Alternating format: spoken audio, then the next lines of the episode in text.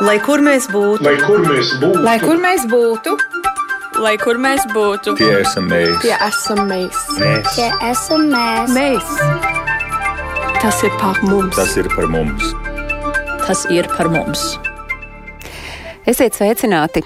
Ik gadu aptuveni 800 ģimeņu atgriežas uz dzīvi Latvijā, un tas nozīmē tikai vienu arī reemigrējušo skolēnu skaits Latvijas izglītības iestādēs pieaug, un tas nozīmē, ka par šo tēmatu mums ir jārunā un jādomā, kā labāk iekļaut un atbalstīt bērnus, kuri pēc atgriešanās Latvijā uzsāk uh, vai turpina mācības, uh, un kā skolotājiem sadarboties ar reemigrējušajām ģimenēm, un arī kas pašām ģimenēm ir jāņem vērā ieteikumi, pārdomas un arī ļoti noderīga informācija. Būs atrodama divos jaunos ceļvežos pedagogiem un vecākiem, un šos ceļvežus ir izdevusi Latviešu valodas aģentūra, un uh, šis ir tas temats, par ko tad mēs runāsim arī šīs reizes raidījumā Globālais Latvijas 21. gadsimts, un mans vārds ir Agnese Drunka, un es esmu gatava sākt sarunu ar šodienas, kā jau tas ir ierasts šai laikā, attālinātajiem viesiem, un es saku labdien Erikai Pičukānai, kura ir Latviešu valodas aģentūras metodiķis. Sveicināta, Erika! Labdien! Daina Grosa ir diasporas un migrācijas pētījuma centra pētniece un arī cilvēks, kur ir aktīvi iesaistījusies eh, gan tās noderīgās informācijas, gan pārdomu, gan ieteikumu piegādē šiem ceļvežiem. Sveicināti, Daina! Labdien. Mums šodien sarunā piedalās arī Kristīna Paisuma, kur ir Drabeša jaunās pamatskolas direktore un ir arī ar pieredzi, kā tieši tad ir uh, jāstrādā ar ģimeni, kur atgriežas uh, uz dzīvi Latvijā un kā to panākt gana veiksmīgi. Sveicināti, Kristīna! Labdien! Un sveicienus es sūtu arī Unai Silkānai Kaseresai, kura ir atgriezusies ar ģimeni ar diviem bērniem uh, Latvijā no Kanādas un sveicināti Una. Labdien! Un tiem, kuri skatās mūsu raidījumu, jo šis ir raidījums, kur tiešraidē jūs varat sekot līdzi arī internetā, gan pieslēdzoties Latvijas radio viens mājas lapā, gan arī radio YouTube kontā, tad tie, kuri redz to bildi, ne tikai dzird skaņu, redz, ka Una šobrīd ir mašīnā un pēc 20 minūtēm pat, pat uh, ātrāk uh, atslēgsies no mums, ir, jo ir jādodas ceļā. Tieši tāpēc mēs, uh, Una, sāksim tieši ar jums, ar jūsu pieredzi, kas tad mums visiem ļaus saprast, kāda veida atbalsts, palīdzība un arī uzmundrinājums tad ir nepieciešams tajā mirklī, kad ģimene atgriežas Latvijā. Jūsu stāsts uh, varbūt ir vēl tāds uh, ar, ar papildu pievienoto vērtību. Jūs esat divkārt atgriezusies Latvijā, vai varat to savu īso stāstu izstāstīt, kas bija pirmajā reizē, kāpēc jūs aizbraucāt atpakaļ un kas šobrīd ir tas aktuālākais, kas ir saistīts ar iejušanos mācību procesā jūsu diviem bērniem? Jā. Uh, mēs uh, bijām Latvijā 2015. un 16. mācību gadā pirmo reizi. Tas bija tāds tā kā izmēģinājuma brauciens. Tad Kalgarī bija ekonomiskā krīze, vīram beidzās darba projekti, un mēs izdomājām, izmēģināsim padzīvot Latvijā. Tad mana meita sāka šeit dzīvu, uh, iet pirmajā klasē. Un uh, tajā brīdī mēs, uh, tad, kad mēs šeit dzīvojām, sapratām, ka Rīgas centrā noteikti mēs nevaram dzīvot, lai arī cik mums tas patīk, jo problēma ir ļoti liela ar, ar skolām, ar, ar lielo bērnu skaitu, jo manu bērnu nevarēja paņemt neviena skola, līdz ar to viņai bija jāiet privātajā skolā. Uh, tad mēs aizbraucām atpakaļ, jo mums nebija gluži līdz galam izplānots, kā mēs to visu darīsim. Uh, mums Kalgarī vēl bija māja, māja atbrīvojās, īrnieki aizdevās projām, un līdz ar to mēs atgriezāmies Kalgarī. Bet tā doma, ka gribas atgriezties Latvijā, bija arvien stiprāka, jo mums ļoti patika, kāda Latvijā ir vide ģimenēm ar bērniem, cik ļoti daudz ir ko darīt šeit ģimenēm ar bērniem. Un, um, jāpiebilst, ka mans vīrs nav latvietis, no, viņš ir no Peru, un tāpēc arī man tāds interesants otrais uzvārds. Um, mēs padzīvojām Kalgarī vēl uh, līdz pagājušā gada jūlijam, un tajā laikā mēs sapratām, jā, atgriezīsimies, tikai vajag plānu. Uh, Tātad mēs atgriezāmies pagājušā gada jūlijā, un jau laicīgi, uh, tā kā mēs zinājām, ka pārcelsimies, es uh, jau meklēju skolu, un mēs zinājām, ka mēs gribam būt tuvu Rīgai. Uh, līdz ar to izvēle krita par labu jūrmalai un pumpuru vidusskolai. Un mēs jau 19. gada novembrī jau sazinājāmies ar skolu un sākām sarunas ar direktoru, jautājot, nu, kā tas viss notiek, vai jums ir pieredze, vai, vai jūs zināsiet, kā to darīt, kā, kā vispār tas notiek. Un, un skola bija ļoti, ļoti pretimnākoša. Īsnībā es varu teikt tikai uh, tikai labus vārdus par skolu, jo viņi dara tiešām ļoti daudz, lai palīdzētu bērniem, kas ir eh, ne tikai no citas valsts, bet kam ir savādāka valoda, ja, kas nerunā latviešu valodā perfekti, palīdz bērniem iejusties. Un, um, bērni tika um, uh, ielikti, jo tas būtu pareizais vārds, tādās klasēs, kur, kur ir vairāk, kur jau nav tā kā noformējusies tā viņu sociāli, sociālie tie burbulīši, ja, kur, kur ir vairāk jaunpienācēju un kur bērni, bērniem būs vieglāk iejusties. Un arī, kur skolotāji runā angļu valodā un var palīdzēt. Šobrīd jūsu bērni mācās, tad, ja es pareizi saprotu, meita ir piektajā klasē, dēls iet otrajā klasē. Vai Jā. jūs arī varat mazliet tā, to emocionālo pusi izstāstīt, ko jūta jūsu bērni, gan pārceļoties uz Latviju, gan arī vēl pirms tieši šis process notika, kā jūs savukārt kā vecāki viņus sagatavojāt tam, ka vide mainīsies, skola mainīsies, valsts mainīsies, valoda, kas mhm. apkārt skan, mainīsies? Jā, uh, nu, vispār Latvija jau viņiem bija ļoti labi zinām, jo mēs centāmies pēc iespējas uh, braukt uz Latviju. Tas bija reizēm reizi gadā, vasarā, reizēm reizi divos gados. Um, tā kā tas nebija gluži galīgi sveša vide. Vide bija daudz maz zināma, uh, īpaši manai meitai, jo viņai jau viņa vecāka, viņai vairāk atmiņu. Kā mēs gatavojāmies. Viņi zināja, uz kurien mēs dodamies. Viņiem bija pozitīvas emocijas par pārvākšanos. Mēs arī vispār ģimenē cenšamies bērniem dot to teiksim, lemšanas iespēju. Ja? Viņi piedalās tajā ģimenes sapulcē un kā, sniedz savu viedokli par to, ko viņi par to visu domā. Um, par, uh, par pārcelšanos. Jā, un pārcelšanās kā tāda emocijas bija pozitīvas, bet, protams, tad, kad sākās skola, tad sākās stress par to ārprāts, kā tad es iejutīšos, visi runā latviski. Um, mana meita teica, es nerunāju latviski tik labi. Uh, viņai pasīvā latviešu valoda ir diezgan laba. Teiksim tā, ka viņa saprot, viņai grūtāk izteikties. Bet mans tēls nerunā gandrīz vispār. Uh, Tā mazliet kaut kas mums atslēdzās šķiet unai. Mm, una Jā, varam... es esmu atpakaļ. Jā. Uh, es atvainojos. Jā, tā tad uh, mans dēls uh, nerunā gandrīz vispār latviski. Uh, un uh, bija nedaudz satraukums, uh, bet tajā pašā laikā uh, klases biedri bija diezgan ieinteresēti. Um, skolotāji jauki. Neko sliktu par to nevar teikt vispār. Bet, protams, teiksim, 11-gadīgam bērnam ir grūtāk iejusties jaunā vidē, kam jau ir izveidojušās draudzības un draugi. Un līdz ar to manai meitai psiholoģiski šis ir bijis ļoti, ļoti izaicinošs un grūts laiks.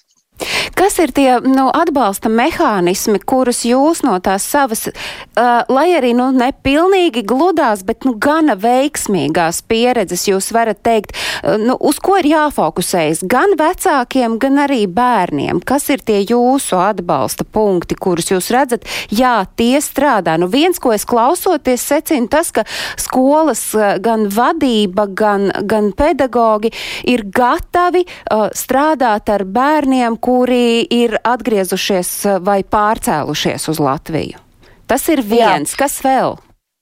Jā, eh, tā tad, ja runājam par otro klasi, eh, jā, skolotāja lieliska un ir gatava strādāt. Un tik tiešām ļoti daudz strādā ar manu dēlu. Bet pietā klase tas jau ir pavisam savādāk. Nav tā atbalsta tik liela, jo skolotāji ir ļoti daudz. Ja? Viņai katrā, katrā priekšmetā praktiski ir katrs uh, cits skolotājs, un uh, katram ir savas prasības, un katrs attiecas nedaudz savādāk. Protams, visi ir bijuši ļoti jauki un izpalīdzīgi, nu, cik ir bijusi viena iespēja ar viņiem, teiksim, tā sadarboties, ja? man personīgi.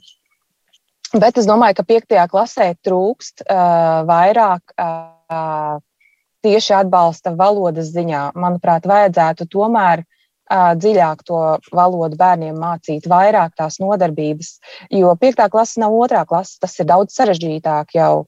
Un es varu pilnīgi godīgi teikt, ja es nebūtu mamma, kas var palikt mājās un palīdzēt bērniem, ja situācija būtu pavisam savādāka. Pilnīgi noteikti, jo lielākais atbalsta punkts saviem bērniem esmu es. Bet sanāk, ka šobrīd jūs esat atgriezušies un tiem jūsu bērniem tā klātienes mācīšanās ir pavisam tik, cik melns aiz naga vispār sanākusi tagad tajā otrajā atgriešanās reizē. Jā, jā skolā aizgāja pilnībā online decembra sākumā.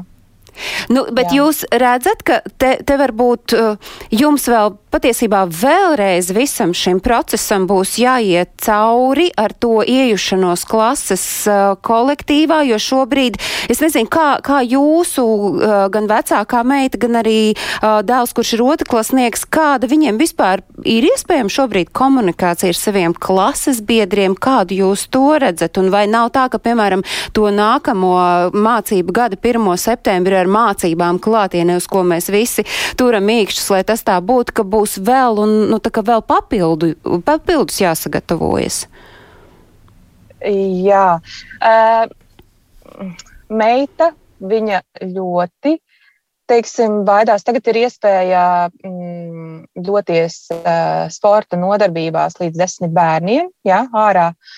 Viņa negrib, tāpēc, ka viņai ir bail satikt klases biedrus. Tāpēc, ka viņa nezina, nu, ir tā nepārliecinātība. Viņai ir labākā draudzene, viena klases biedrene. Manuprāt, ir divas kopā, ar, ar kurām viņa tā vairāk sazinās. Bet ar pārējiem klases biedriem jau viņi īsti nesazinās.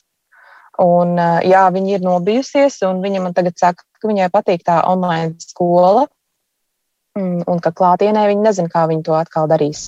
Jūs redzat, kur jums arī kā mammai tagad meklēt to, to atbalstu, jo skaidrs, ka jums nu, ir vēl viens papildu izaicinājums. Um, īsti pat nezinu. es domāju, nu, mēs esam arī jau runājuši ar psihologu. Mums ir bijušas psihologa konsultācijas meitai. Mm, tas palīdz, bet es nezinu, vai tas palīdz pilnībā. Man šķiet, ka vispār tādā tā kā valsts līmenī vajadzētu būt konkrētākam plānam, kā tad tieši tiem, mm, tām ģimenēm, tiem bērniem palīdzēt varbūt tieši vairāk nu, no tā valodas viedokļa, jo es saprotu, šis gads ir pavisam savādāks dēļ, dēļ Covid un dēļ tā, ka nevar bērni tikties klātienē. No vienas puses, atzīmju ziņā es teikšu, ka es domāju, ka, piemēram, manai meitai šis gads ir ar labāku atzīmi nekā, ja būtu, ja viņi ietu uz skolu, jo es viņai palīdzu bieži un tulkoju. Um, to, ko viņi nesaprot, bet skolā jau tā, neviens viņai klāt nes, nestāv visu laiku, jā, jo klase ir nu, pietiekami liela. Nav ļoti liela, bet pietiekami liela. Ir nedaudz pār 20 bērni. Bet uh, tad par to valodas uh, apgūšanu šobrīd runājot, tā notiek vēl uh, padziļināti ar vairāk stundām jūsu bērniem? Latviešu valoda. Dēlam notiek, jā. Dēlam notiek. Uh, meitai ir iespēja, bet kaut kā šad un tad tas sakrīt un tad nesakrīt um, viņi ir izvēlējušies vairāk teiksim, mācīties valodu un tieši strādājot ar mani mājās. Viņi jūt produktīvāk un labāk. Un līdz ar to es, man ir ļoti svarīga viņas psiholoģiskā veselība. Es viņai nespiežu, jo būtībā online tas nav tāpat kā iet uh, iepazīties ar to skolotāju un runāt personīgi un sadraudzēties, jo man šķiet, ka saikne arī ir ļoti svarīga. Paldies, Unai. Mazliet sakari sāk mūs pievilt, un es saprotu, ka Unai šai mirklī arī ir jādodas tālāk savās dienas gaitās. Paldies par Unas. Uh, Silkānes Kasereses pieredzi ar diviem bērniem pārceļoties no Kanādas uz Latviju, pieķeršos unas sacītajam, ka tomēr tādā valstiskā līmenī būtu jābūt tam plānam. Kāds pie komentāriem portāla latviešu.com Facebook profilā, zinot par to, ka mēs runāsim par šo tematu, šodien saka, ka tas plāns ir tikai uz papīra, bet te es droši vien iesaistīšu Ēriku. Nu, kāds, atgādinām vēlreiz, kāds vispār šobrīd ir tas plāns strādājot ar ģimenēm, kuras pārceļas uz dzīvi Latvijā? Nu, es varu pateikt tikai to, kas laikam visiem zināms, un es arī nepiekrītu tam, ka tas ir tikai uz papīra, jo ir paredzētas divas papildus stundas katram bērnam. Nu, atkal tā ir Rīgas pašvaldība, ir pašvaldības, kur četras papildus stundas ir, kur neviena. Nu, to arī man grūti par to spriest. Ir skolās konsultācijas. Konsultācijas tie arī ir atbalsts, kad bērns, kad ir kaut kas nav skaidrs, vecāki var palīdzēt. Bet, nu, kā jūs saprotat, ļoti jau daudz kas ir atkarīgs no tā pedagoga, kas ir tai otrā pusē. Jo es zinu, ka Latvijas valsts aģentūra mums ir skola visā pasaulē, kur mācās bērni. No, tur ir saikne ar pedagogu ļoti cieša. Es redzēju, ka pirms gada vai diviem, kad vēl drīkstēja, kad atbrauc tās ģimenes uz šejieni, no es nezinu, it kā vistuvākie radinieki viņi savstarpēji apkampjās. Tāpēc grūti jau par katru individuāli pateikt. Ļoti daudz kas ir atkarīgs tieši no tā cilvēka, kas ir tajā otrajā pusītē par uh, to veiksmīgo iejušanos uh, mācību procesā, kas var arī krietni atšķirties no tās vides, kur skolēns pirms tam ir mācījies. Droši vien, ka nu, visbiežāk ir jāskatās uh, arī no tā, cik visas puses ir gatavas tam, Gatava. ka mēs tagad satiksimies. Jā. Un te es uh, gribu iesaistīt uh, Dainu. Daina, nu kādai jūsuprāt ir jābūt tai, nu, tai tam procesam, kādā skolēns nonāk skolā, tad gan no ģimenes puses, kā tai ģimenei ir jāgatavojas, un tad arī kas ir jāsagaida, ko vajadzētu sagaidīt no, no skolas. Nu jā, man ir iz, iznācis eh, beidzamos gados daudz ģimenes eh, intervēt savu pētījumu ietvaros, un uh, secinājums man ir tāds, ka sagatavošanās, kā, kā jau Un to ir darījusi um, drusku, un vēlāk mēs noskaidrosim arī par citu ģimeni, ka sagatavošanās ir ļoti svarīgs process no vecāku puses, ka tas bērns jūtās, ka viņš kaut kur brauc un viņš tiek gaidīts. Un kad uh, arī no tās valodiskās puses, ka viņam ir ielikās, tomēr eh, zināmas latviešu valodas iemaņas, ka viņš nenonāk pilnīgi ar pilnīgi nekādām valodas zināšanām. Bet tad ir vēl šī koka otrā puse, un tas ir, kā viņš tiek sagaidīts otrā galā, kad skola, kā, kā skola gatavojās uz bērniem, kas kas um, vai nu atgriežas, vai viņi īstenībā pirmo reizi nonāk skolā Latvijā. Un tas ir, eh, ja mēs runājam par sistēmu, uh, Ir daļēji sistēma ieviesta, es teiktu. Mm, ir ministra kabineta noteikumos eh, ierakstītas zināmas lietas, bet eh, daudz tiek vēl ar vienu atstāts pašu skolu un pašu pedagoģu rokās. Ehm, daudzi arī tieši pašaizliedzīgi paši iesaistās, bet uh, nevienmēr tas notiek. Tas nozīmē, ka īstenībā bērns nonāk klasē, nezinot, kāda beigās būs šī vide, vai viņi uzņems viņu tā draudzīgi vai nē. Un man, man šķiet, ka secinot no visiem tām intervijām, kas man līdz šim ir bijušas, Galvenais ir, ka notiek sadarbība starp skolotāju, no nu, to klases audzinātāju un ģimeni jau no paša sākuma un tiek iesaistīta, bērns arī tiek iesaistīts. Tā ir tāda trīspusēja sadarbība. Un tā nenotiek m, tikai pirmajā skolas dienā vai tikai gatavojoties, bet tas ir tāds ilgstošs process, kur ik pa laikam, pirmajās nedēļās un pat varbūt mēnešos, skolotājs, vecāks un bērns kopīgi sanāk. Varbūt tas notiek šobrīd Zoom vidē, bet tomēr notiek eh, savstarpēja komunikācija, ka skolotājs noskaidro, kā, vecā, kā vecāks un bērns jūtas, un otrādi, ka vecāki var pastāstīt skolotājiem, nu, ja vecāks saka, mums, mums grūti iet mājās ar mājas darbiem, piemēram, un to citādīgi ir nenoskaidrot. Tā tā ir tāda trīspusēja sadarbība starp šīm trīs iesaistītām pusēm, kas notiek pirmajā tajā posmā. Un te droši vien mēs varam iesaistīt Kristīnu, jo skaidrs, ka tajā posmā skolotājs, ģimene un bērns, Kristīnai šobrīd ir tā skolas puses pieredze. Jums arī ir, nu, gana veiksmīgi izdevies, vai jūs varat pateikt, ka, kas ir tā veiksmes atslēga, lai, lai tas bērns varētu labi iejusties jaunajā mācību vidē? Jā, tā veiksmes atslēga droši vien būs tajā viens vārds laiks. Ja mums ir pietiekami daudz laika, un ja es jau gadu zinu, ka man pēc gada, piemēram, skolā iekļausies ģimene, Un tas ir jau reāls stāsts, piemēram, divi bērni, kurās klasēs mēs varam klases biedrus sagatavot, mēs varam pedagogus sagatavot.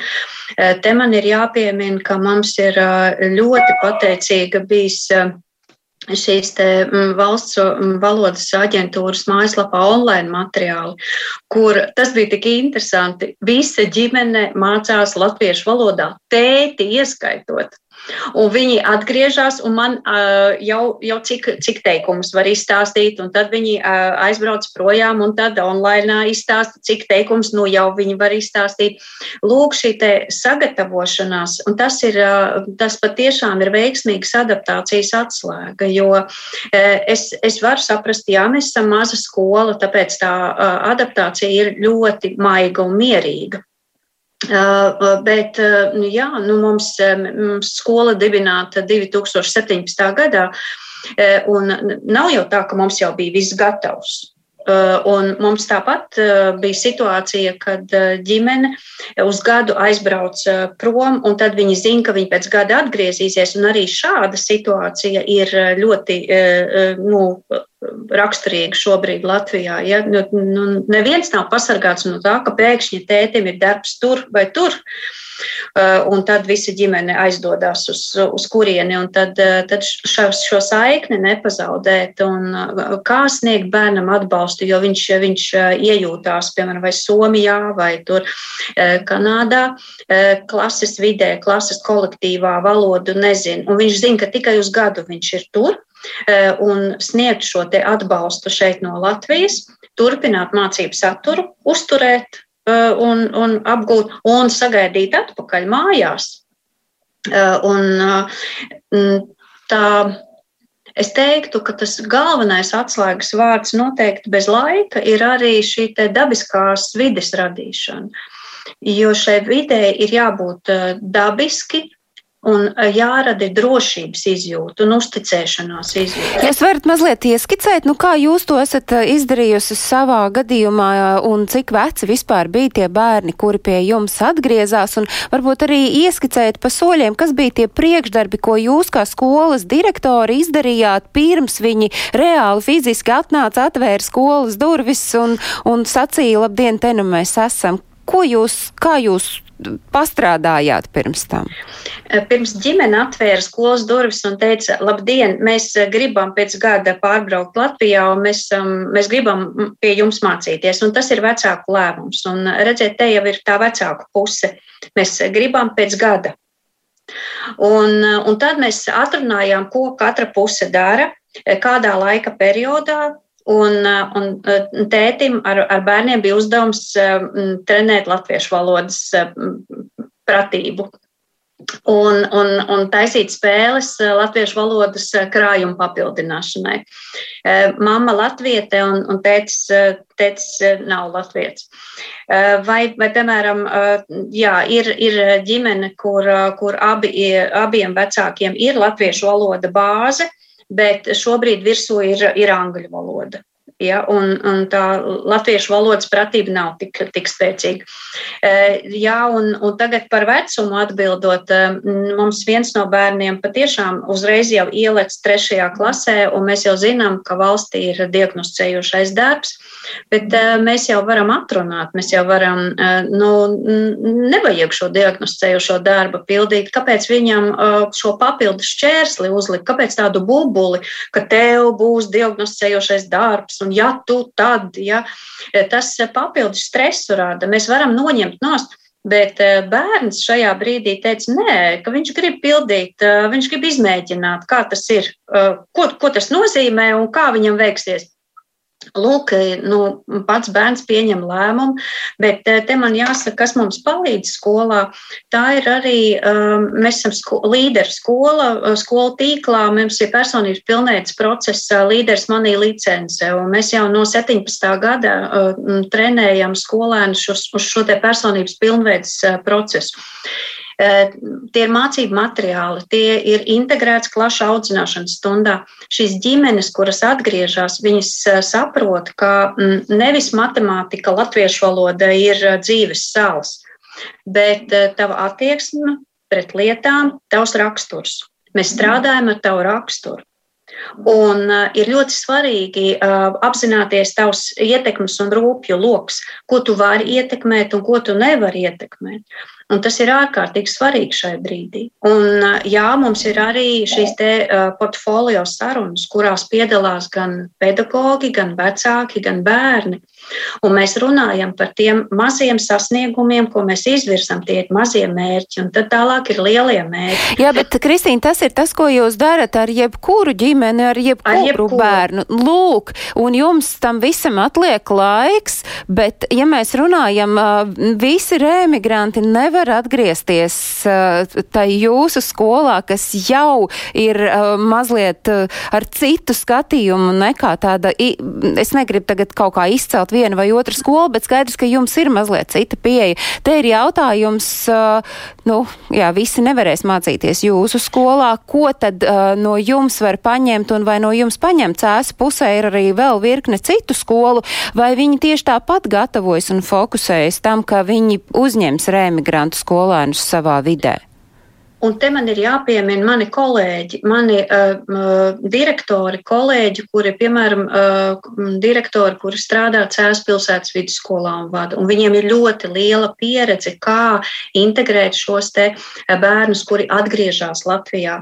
Un ne tikai remigrējušie. Nu, pat pēdējais gadījums viņiem ir viena ģimene no Ķīnas. Un, oh. un, Un, un kā palīdzēt vecākiem aizpildīt visas uh, uzturēšanās atļaujas. Uh, un, un, un paldies Valmieras imigrācijas nodaļai, kura piedāvā um, bezmaksas tulku palīdzību.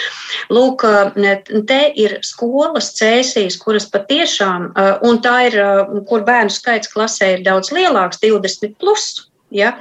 Un viņi piesaista pumpurs eh, materiālus un, un, un pumpurs apmaksātās konsultāciju stundas. Pumpurs tā ir īpaša programma, kas ir paredzēta strādājot ar eh, rēmigrantiem un jauniem nē, braucējiem. Nē, nē, nē. nē. nē eh, tās ir izglītības kvalitātes valsts dienesta paspārnē esošā programma, priekšlaicīgu mācību pār, riska pārtraukšanai paredzētā programma, kur strādā ar jebkuru skolēnu Tā skaitā arī remigrējošām ģimenēm, skolēniem konsultāciju apmaksai. Tas ir direktora resurss. Ja pašvaldība piesakās šim te pumpura programmai, tad, tad pašvaldība tiek pie papildus finansējuma.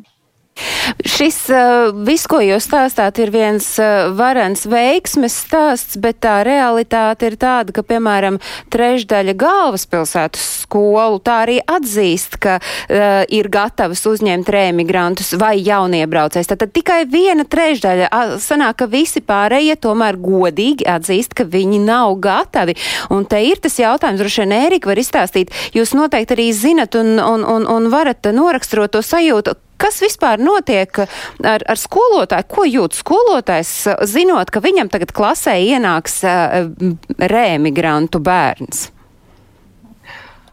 Nu, laikam to tajos pašos pirmajos soļos, to pašu arī, ko tas vecāks, kā tas būs un kā tas notiks. Cik daudz tas bērns zina, cik daudz tas bērns ir gatavs. Jo bieži jau, kad mēs braucam uz citu valsti, mēs visu, visu uzzinām par to valsti. Un atgriežoties uz Latviju, mēs jau domājam, ka te viss ir tāpat kā bijis. Bet mēs zinām, ka viss ļoti strauji mainās. Un daudz emigranti man saka, ka pilnīgi cita valsts pēc desmit gadiem atgriežoties. Un tāpat arī pedagogam. Jo arī nav nekādas receptes. Eh, es atbildu par tālāk izglītības kursiem tieši pedagogiem Latvijas valsts aģentūrā, kā strādāt ar emigrantiem un imigrantiem.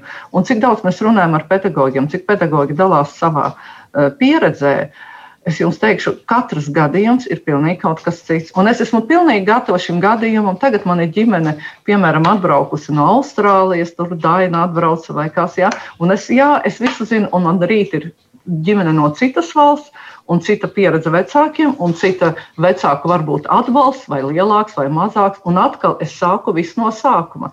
Un tur neko nevar darīt. Jā, mēs atbalstam pedagogus, jā, ir speciāli pedagoģu grupas arī Facebook vidē, lai varētu dalīties materiālos. Jā, ir ļoti daudz materiālu izveidots. Ir izveidoti materiāli papildus stundām, pirmai, trešai klasei.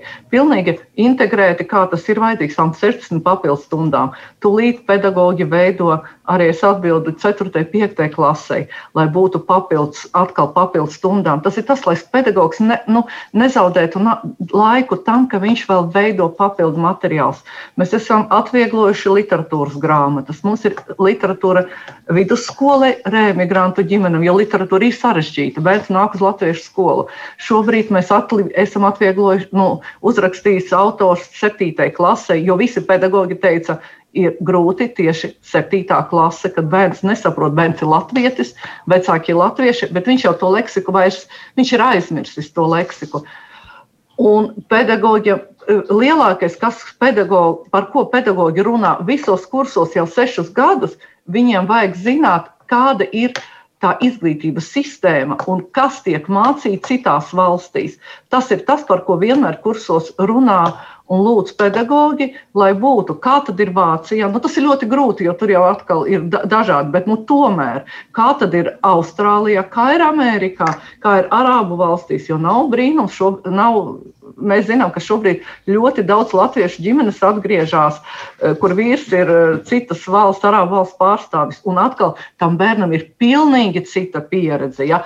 Kāda pieredze ir tepat eh, Zviedrijā? Atkal, atkal, pilnīgi atkal cita pieredze. Mēs ar Dainu arī nometnē, mums bija mamma no Zviedrijas, atkal tā bija cita pieredze. Un tas ir tas svarīgākais. Pedagogam ir jāsaprot, kā tur notiek, kas, ka, kas notiek tajā izglītības sistēmā, kam būt gatavam. Ja? Nu, tas bija tie, tie arī tie svarīgākie jautājumi, kur mēs vienmēr domājam, gan savos kursos, gan veidojot materiālu uz šiem bērniem un cenšamies vienmēr piesaistīt gan vecākus, gan arī tos cilvēkus, kas ir remigrējuši un varbūt kuriem ir vairāk zināšanu. Tieši mēs vienmēr aicinām ciemos pie pedagogiem, jo ir daudz jautājumu tieši tādu, uz kuriem nu, varēs atbildēt tikai tas cilvēks, kurš ir padzīvojis citā valstī, 10, 20, varbūt dzimis tur un atbraucis uz Latviju. Un tikai viņš var atbildēt tam pedagogam, kā viņš jūtas. Un, ne, un nevienmēr vecāks ies un pats stāstīs uz skolu. Skaidrs, ka tā ir jābūt sarunai, varbūt pie kafijas tases, varbūt tā ir tā remigrantu nometne, varbūt tas ir vecāku klubiņš. Tad viņš arī varbūt atvērsies. Neies jau tā uzreiz. Oh, man ir tāda problēma, tas ir diezgan sarežģīti. Jā, bet cik reāli, ka tam pedagogam ir gan jaudas, gan laika, gan iespējas visu to, ko Ērika nolikā minēja, vispār uzzināt? Un kā jūs redzat, nu, kā to a, a, procesu tomēr padarīt maksimāli veiksmīgu, varbūt Daina? Jā, nu, Es atkal, es gribētu paturpināt, ko Kristīna īstenībā teica par to laiku. Un kā arī jūs, Agnēs, teicāt, ka tas laiks ir ierobežots un īpaši lielās skolās, tā, kur ir pārpa 20 bērnu, 30 bērnu klasē, un, un ne, ne jau ir laiks iedziļināties katra jaunpienākušā bērna interesēs un, un izcelt viņa viņa īpašās um, nu, talantus un tādas lietas. Bet man liekas, tas atslēgas vārds šeit ir skolotājam izrādīt tomēr interesi. Un ne tikai interesi, bet iedvesmot un arī nu, jā, iedvesmot to jaunpienākušo bērnu un izcelt, teikt, ka jā, mēs priecājamies, ka tu šeit esi, un mēs saprotam, ka tu varbūt nesaproti vēl šo un, un to, bet mēs zinām, ka tu jau proti kaut ko, ka, ko citi atkal neprot, un izcelt un,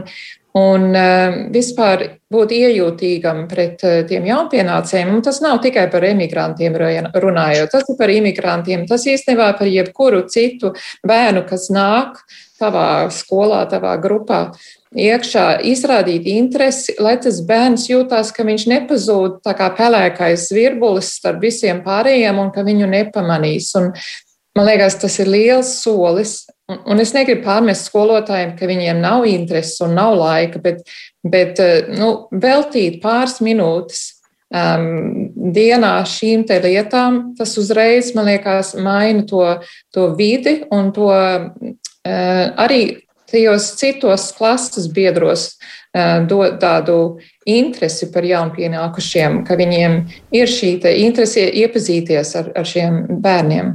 Un es arī saprotu, es varbūt skatīšos vairāk Kristīnas virzienā, ka te arī skolas vadībai droši vien ir jāskatās un jādomā, nu, kurā klasē tieši tas bērns nonāks. Nu, uh, lai tas nebūtu tāds klases kolektīvs, kur viss ir cimts ar roku un, un kur varbūt ir vēl kāds jaunpienācējs. Nu, proti atrast tam, tam bērnam to vēlamāko vidi, bet vēl viena nianse, kas tomēr ir izskanējis gan Ērikas sacītajā, gan arī patiesībā mammas unas teiktajā par to, ka arī ir ļoti rūpīgi gan, nu te gan visiem, visai svētajai trīsvienībai, vairāk gan skatoties uz skolu un vecākiem, ir jādomā par to vecumu, kādā ir bērns, un ka tas, ko varbūt pirmklasnieks, otrklasnieks pieņems un kur viņš ieplūdīs, tas nebūs tas pats, kas notiks ar piekto un septīto vai pat vidusskolas vecuma skolēnu? Jā, es eh, piekrītu, un tad te ir ārkārtīgi svarīgi tā sistēma, ko skola iekšienē izveido. Mums ir eh, lielie mentori, mazie mentori. Eh, mazie mentori ir klases biedrs, kurš, kurš ir atbalsta plecs ikdienā. Eh, tas, eh, un tad ir lielie mentori, kas ir eh, klases audzinātājs, atbalsta personāls, sociālais pedagogs un, un nu, jebkura persona, kas ir iekļauts šo lielo mentoru vidū. Un tie ir tie lielie draugi, lielie pleci. Un tu nekad neesi viens, tu nevari nu, palikt viens ar jautājumu, ko man tagad darīt.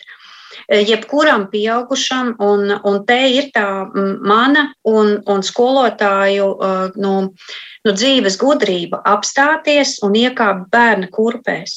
Tajā brīdī stop, Viss pārējais pagaidīs. Ja tu ieraugi, ka tas bērns ir apmulsis, eh, viņš, eh, viņš nevar palikt skolas gaitenī un domāt, uz kuru pusi ir tolete. Viņam ir eh, jābūt šim atbalsta plecam, jo nevienmēr direktors var sniegt šo atbalsta plecu. Lai cik man ir labas attiecības ar skolas bērniem, Nu, nevienmēr es kā pieaug, es tomēr esmu pieaugušā statusā, bet uh, ir jābūt vienaudzim, kas izveido šo te atbalsta plecu. Un, un, uh, nu, jā, uh, es domāju par to, ka tā reemigrācija, Daini, jūs, jūs brīnišķīgi teicāt, tas nav tikai reemigrācijas jautājums, tas ir jebkura cilvēks, kurš ienāk mūsu skolā, kā mēs viņu uzņemam, kā mēs viņu uztveram.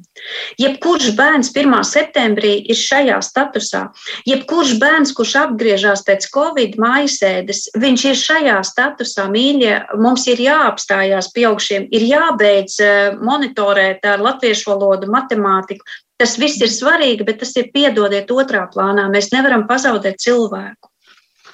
Nu, dod Dievs, ka jūsu sacīto Kristīna tagad sadzirdēja ik viens pedagogs, jo man liekas, ka tajā mirklī, eh, ja skolotājs o, tiešām arī uztvers šo reemigrantu bērnu, jā, neaizmirstot to, ka viņam ir cita dzīves pieredze, cita bagāža, viņš ir citādi mācījies, bet ja uztvers tieši tāpat, ka viņš ir tikpat apmulsis kā jebkurš pirmklasnieks, tad man liekas, ka daudz vienkāršāk būtu strādāt. Bet atgriežoties pie tā ceļveža, man patika, ka Ērika sacīja, ka nu, nav vienots recepts, nav katrs gadījums ir citāds, un tomēr Latviešu valodas aģentūra šobrīd ir izstrādājusi, tad, tad ir šie divi ceļveži izstrādāti, ir ceļvedis ģimenes atgriešanās Latvijā un bērna mācības Latvijas skolās un arī pedagogiem darbam ar remigrantu bērniem.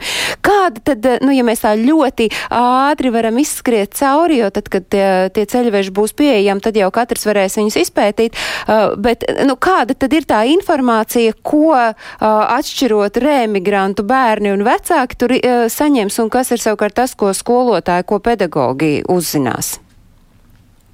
Nu, ja tā ļoti ātri, tad vecāks varbūt tur atradīs atbildes, kā ir bijis, kur kur bija tie pieturas punkti, varbūt kur bija tās kļūdiņas, kur man bija tās grūtības, kad es atbraucu. Es cilvēks, kas ir rakstījis, ja šī raksta autors.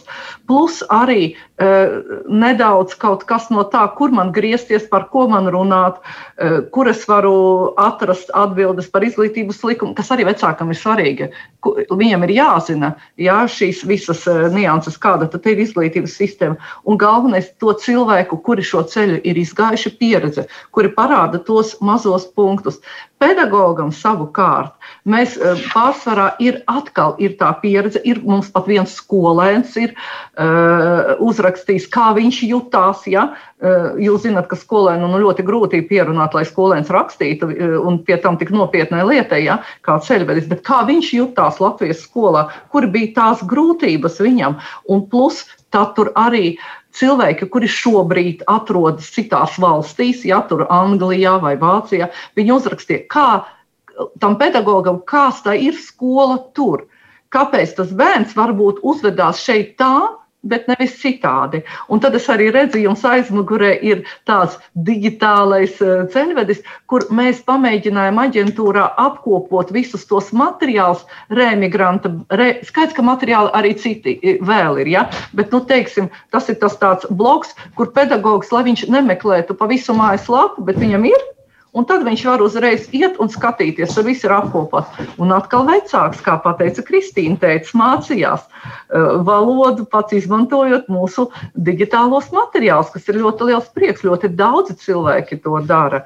Nu, tas ir tāds, teiksim, īsi īsti tāds ieskats divos uh, mūsu ceļvežos, bet es gribu pateikt, jā, varbūt vecākam nu, nebūs tik um, interesanti un varbūt būs noderīgi. Atkal no vecāka ir atkarīgs rakstīt, lasīt to, kas ir domāts skolotājiem. Bet to, kas skolotājiem ir abi šie ceļveži. Gan ceļvedes vecāks, gan ceļvedes vecākiem, gan ceļvedes skolotājiem. Jo viņam ir jāzina, to pedagogam būtu labi, ka tas būtu tā vispusēji. Un tāpēc mēs arī, kad ievietosim mājaslapā, tad, piemēram, skolotājiem sadaļā mēs ievietosim abus. Nu, vecākiem mēs ieliksim vecākiem, un, ja viņš gribēs, tad viņš varēs apskatīties.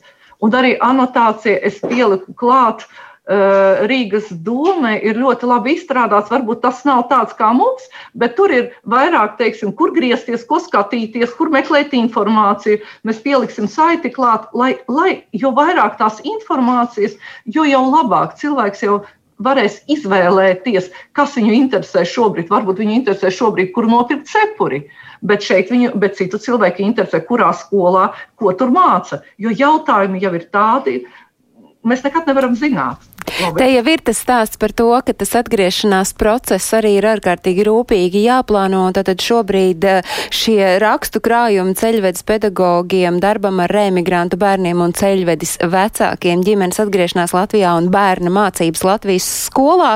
Atvēršanas svētki būs eh, jau pēc dažām dienām, 29. aprīlis, pulksten divos Zoom platformas tieši saistē, un tas nozīmē, ka ja jūs eh, esat ieinteresēti, gribat redzēt, kā tas tieši izskatās, tad jūs tam varat pieslēgties. Šoreiz es lieku kārtējo reizi jau daudz punktu, jo šis ir temats, kuram punktu man šķiet mēs nekad nepieliksim. Es saku paldies Ērikai Pičukānei, Latviešu valodas aģentūras metodiķei, Dainai Grosai no diasporas un migrācijas pētījuma centra pētniecei, kuru šo tematu ir līdz kaulam pētījusi, un arī saku paldies Drabešu jaunās pamatskolas direktorei Kristīnai Paisumai. Paldies arī mammai Unai, kura bija raidījuma sākumā mums pie pieslēgusies. Paldies uh, par šīs reizes sarunu, un mēs ar jums, skatītāji un klausītāji, tiekamies jau pēc nedēļas. Tas būs 3. mais. Savukārt atkārtojums šim raidījumam skan katru svētdienu pulksteni 3 un 5 minūtēs. Es arī atgādinu, ka ir portāls latviešu.com. Tur jūs varat meklēt arī notikumu kalendāru, kas ir saistoši ikvienam, kurš dzīvo ārpus Latvijas. Bet tagad gan, lai visiem ir jauka atlikusī dienas daļa un tiekamies jau citu dienu. Atā, paldies!